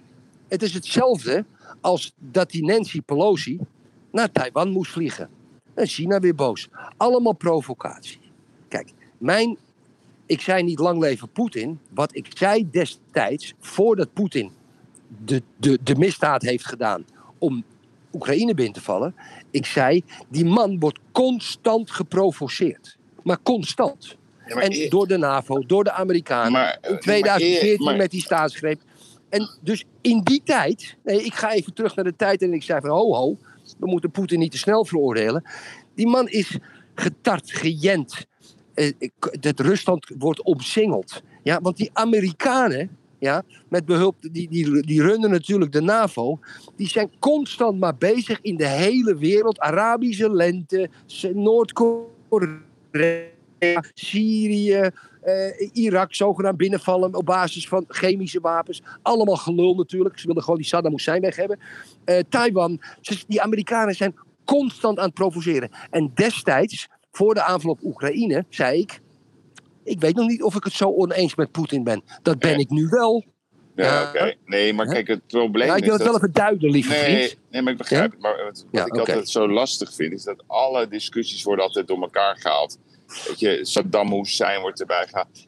Daar zijn we het over eens, Erik, dat die Amerikanen daar gewoon weg hadden moeten blijven. Alleen het gaat even om één casus. En dat is, kunnen wij ermee leven dat een, een, een, een- regeringsleider gewoon... aan- Hoor je mij of niet? Erik? Shit. Je Wat? bent weg. Ja, je bent er weer. Sorry. Ja, je was al een tijdje weg. Oh, oké. Ik Ja. hoor jou prima. Oké, ga door, ga door. Nee, maar kunnen wij ermee leven? Daar gaat het gewoon om. Dat, dat een, een, een regeringsleider gewoon een landje veroveren doet. Dat, dat is de discussie. En dat, ik weet die discussie over Irak en over. En dan blijven we aan de gang. En dat is wat ze, wat ze altijd doen. Ze halen. Ze kaatsen altijd de bal terug. Ik, het is heel moeilijk, want. eh, Poetin is in paniek. Die, die, die, straks heeft, eh, is Kadyrov de baas. En er zit er nog eentje uit Sint-Petersburg. Ik weet even niet zijn naam. Een je even heel. Yes, thank Oh. you. Ja, nee, ga Luister- door. Ja, ik luister heel goed. Ja, ik luister heel goed. Nee, maar- een koffie aan Claudia, mijn assistente. Ah, die kennen we. Kijk, Ja. Erik, je hebt, je, hebt, je hebt Kadyrov, maar je hebt er nog eentje. Die heet Briefskov of zo uit Sint-Peter. Die heeft een heel leger, Erik. Dat zijn de hardliners. Dan heb je de oligarchen. Die weten, als ze kritisch zijn, dan vallen ze van een gebouw. Dat zien we aan de loop van de 100%. band. Ja. Ja. Of hun bedrijven, die worden ingenomen. Dus die zijn, dat is eigenlijk bijna onmogelijk. Want die weten gewoon, als ik wat zeg, dan ben ik dood. Nou, dan heb je nog de legerleiding. Dus krijgen we een, eh, een soort junta-concept daar in, Rusland.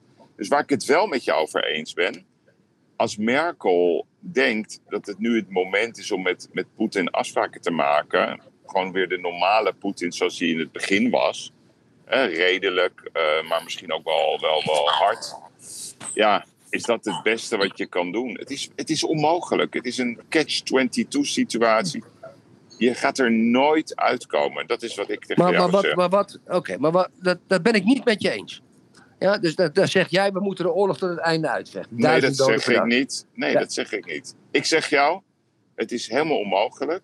Eh, het is zo geëscaleerd dat, dat, dat, dat het bijna niet eh, opgelost kan worden zonder een harde klap. Ik zie, niet, ik zie het niet gebeuren dat eh, dit soort mensen met elkaar aan tafel gaan zitten en dat ze tot een oplossing komen. Want Poetin heeft al laten zien dat hij nooit bereid is om concessies te doen. Ja, dus denk, ja, maar hij- nu is misschien wel de kans. Maar als Merkel nou gewoon zonder de media. Weet je, Ja, ja. Oké, st- stel je nou eens voor. Thank you very much, my dear. Eh, ik, ik, ik, ben, ik, ik speel even Vladimir Poetin. Ik zit, ik zit achter een bureau. Ik op mijn papieren, allemaal telefoonlijnen. Ik, krijg maar die, die berichten van het frontlijn. En ik denk, godverdomme. Er komt er een berichtje binnen van Angela Merkel. Angela Merkel heeft helemaal geen positie meer. Beste Vladimir. Ja? Eh, Poetin spreekt heel goed Duits. Die heeft daar als KGB'er gestationeerd gezeten in de DDR. Dus die is vloeiend Duits. Ik vlieg, ik vlieg naar je toe. Ik hou het stil in de media. Hou jij het nou ook weer stil in de media? Laten we nou eens eventjes gaan zitten. Hmm. Ja? En, ik ben Vladimir Poetin. Ik krijg dat berichtje. Ja, dan zeg ik toch ja? Maar dan moet Zelensky mee. Nee, dat kan niet. Ja, nee, maar dat is dus het probleem. Kijk, het gaat gewoon om dat... Waarom, waarom moet Zelensky mee? Die moet even zijn bek houden. Nee, ja, even zijn bek Merkel- houden. Merkel Erik. moet eventjes, jawel, Merkel moet even met Poetin praten. Ja, en- en maar Merkel heeft geen oplossen? mandaat. Nee, maar het is zo'n onzin. Dat is juist heeft- goed. Dat is juist goed dat Merkel Ze heeft het toch al geprobeerd? Ze heeft het toch al geprobeerd? Ja, niet, Poetin? Ja, maar ik, als ik Poetin was, en ik ben Poetin niet, zou ik tegen Merkel zeggen, nou kom even lekker langs. Ja, maar dat doet hij nu vanuit zwakte. En, en zijn hele... Kijk, Poetin is een straatvechter, Erik. Poetin is, eh, als, je, hem- als je ziet met die, met, op zo'n paard zitten... ehm, als je hem ziet in die judozaal... Als je ziet eh, hoe die blij die was eh, dat ze die vier regio's hadden ingenomen... dan stond hij daar met een stelletje wilde honden. De, de, een straatvechter, Erik, geeft nooit op. Nooit. Dat is nou eenmaal het karaktereigenschap van een straatvechter. Dus ik, ik, ik, ben, ik wil dat ook wat jij wil. Jij ziet er donker in. Ja, ik zie het donker. Weet je waarom, weet, en weet je wat me ook zorgen baart? Want iedereen heeft natuurlijk altijd een soort egoïstisch standpunt daarover ook. Hè? Want, what is it in it for me? Kijk, ik, ik ben nu... En dat is echt een probleem voor me, Yves. Ik, je weet die grote deal die speelt met die bank.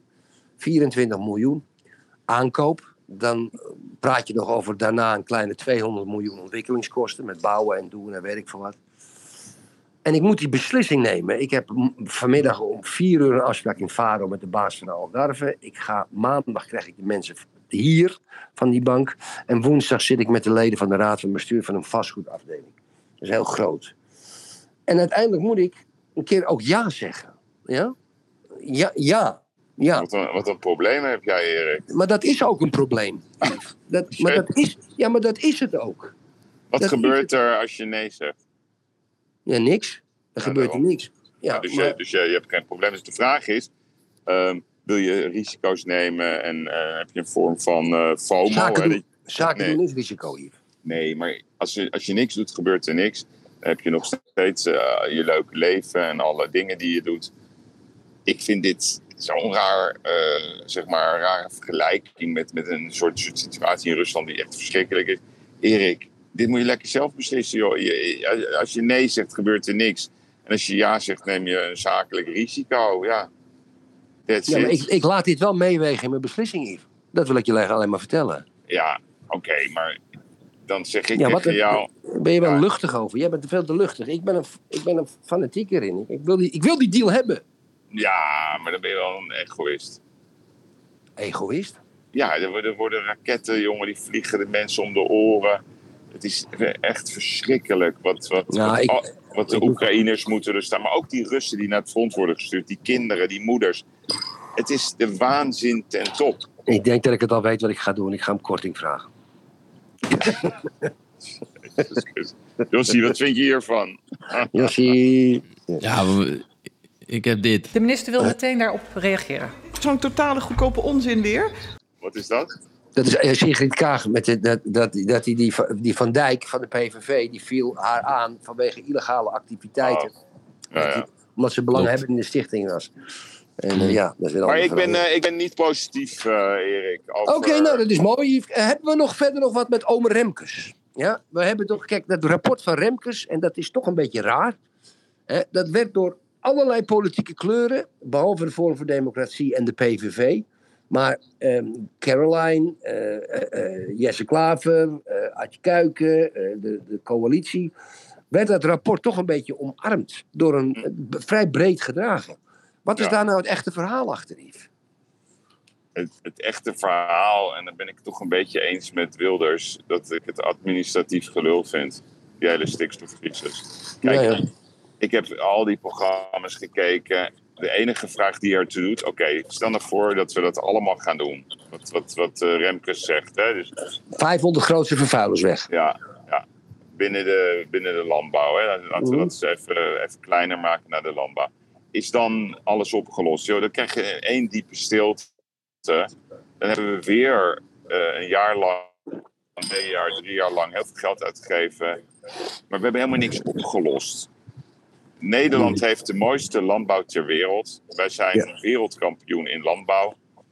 Joh, dit kan toch ook een keer in stilte. Gewoon rustig met de landbouwbazen uitleggen wat er aan de hand is. We moeten vernieuwen, we kunnen eh, zeg maar de lucht schoner maken. Maar er wordt een soort narratief gecreëerd dat de natuur in de fik staat. Erik, ik rij al maanden door Nederland. Ja, ik heb iets aan mijn ogen, dat weet ik.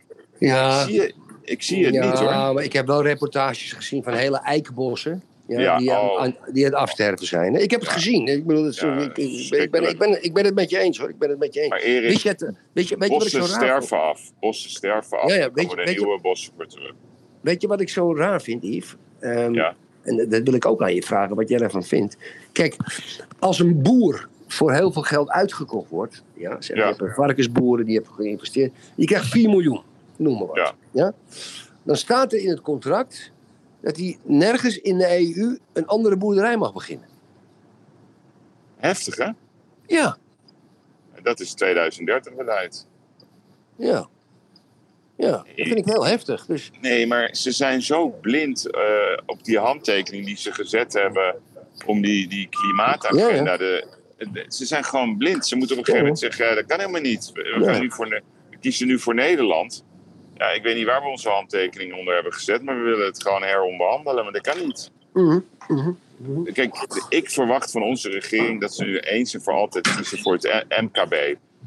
Voor de, voor, de, voor de makers, voor de familiebedrijven, voor de landbouwbedrijven, voor de horecabedrijven. Gewoon voor de mensen die hier wonen, die, al, die, die het land hebben opgebouwd. ja Hou en, de me- en de mensen die daar werken in die, in die bedrijven. Ja. ja. En die trots zijn. Mhm. En, en ze blijven maar onzin uitkramen. En, en, en oh, Erik, als wij over tien jaar, ik durf daar echt een grote weddenschap over te doen, dit gesprek hebben en dan rijd ik weer door Nederland. Geloof mij nou maar, dan zie ik nog steeds heel veel groen. We hebben nog eh, prima natuur. En dan is alles beter dan het was. Costa Rica, Erik. Ja? Daar zijn heel lang geleden alle bossen gekapt.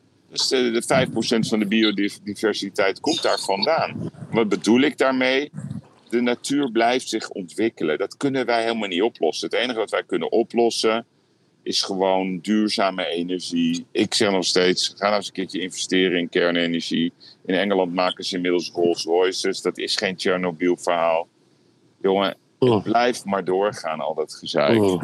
Ze, weten, ze weten niet waar ze het over hebben. Zullen we het nog even over Ajax hebben? Nou ja, ik wil, niet- ik wil eh, ook wel naar de afsluiting toe werken. Ja, dan sluiten we af met voetbal überhaupt. Ik heb Ja. gisteren Feyenoord bekeken, grote stukken. Ik heb PSV de eerste helft bekeken.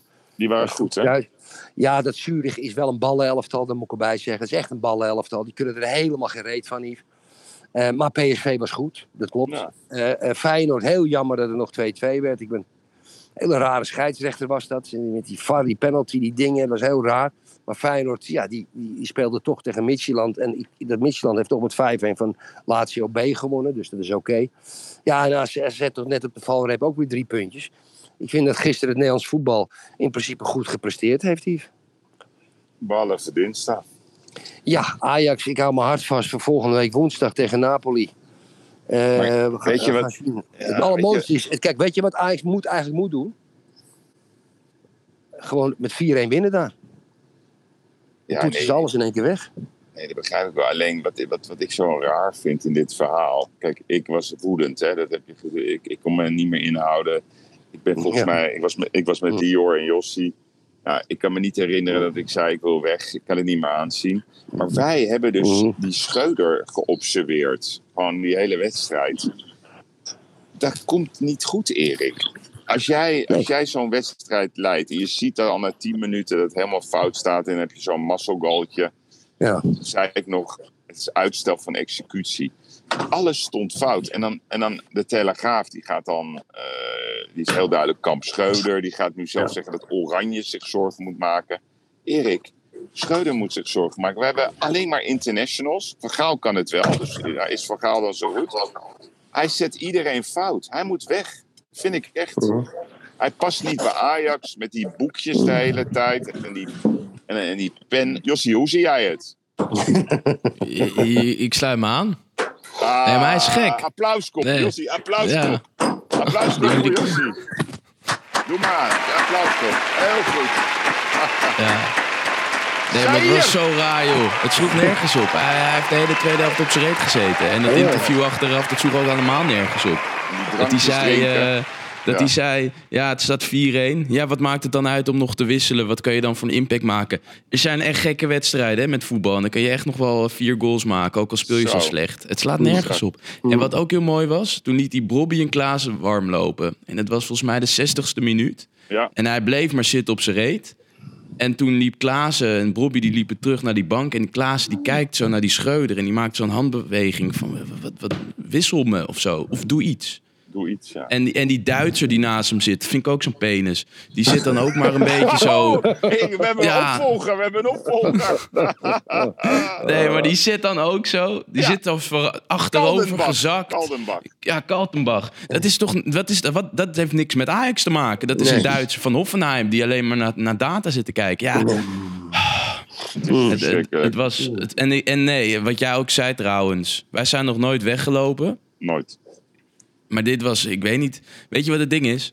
En, en dat las ik ook hè, op Twitter. Zeggen veel mensen: ja, wa- waarom blijf je club steunen? Waarom loop je weg? Dan denk ik: ja, kijk. wa- ik ga niet het veld op rennen om die bal erin te schieten. Nou, dan En ik juich. Nee, dus, dus oké, ik wilde een signaal afgeven. En, en daarbij juich ik voor Ajax. En niet voor die, die gozers die op het veld staan, die miljoenen pakken en die als een soort zakzout daar aan het lopen zijn. Dus ja, dan denk ik maar, oké, weet je wat? Dan doe ik maar iets Ja, ja. voor de club. Ik weet, geen, of het impact heeft, weet ik niet. Hè? Maar het komt wel binnen bij die gasten die denken ook van, nou ja, ik moet iets doen.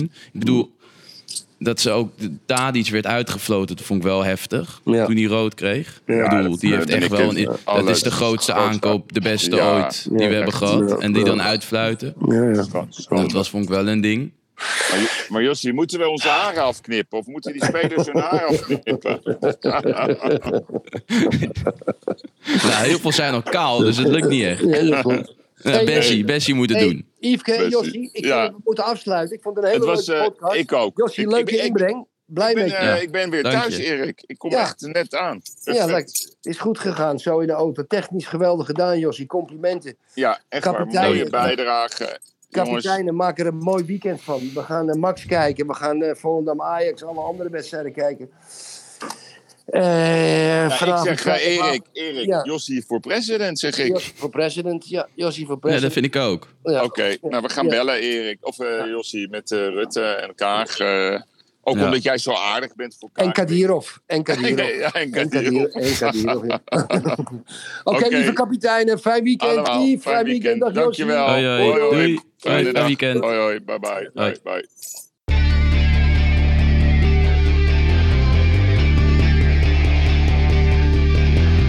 Ik moet soms wat kwijt, wat ik vind ervan. Littekens en jeuk, die koester ik maar dan.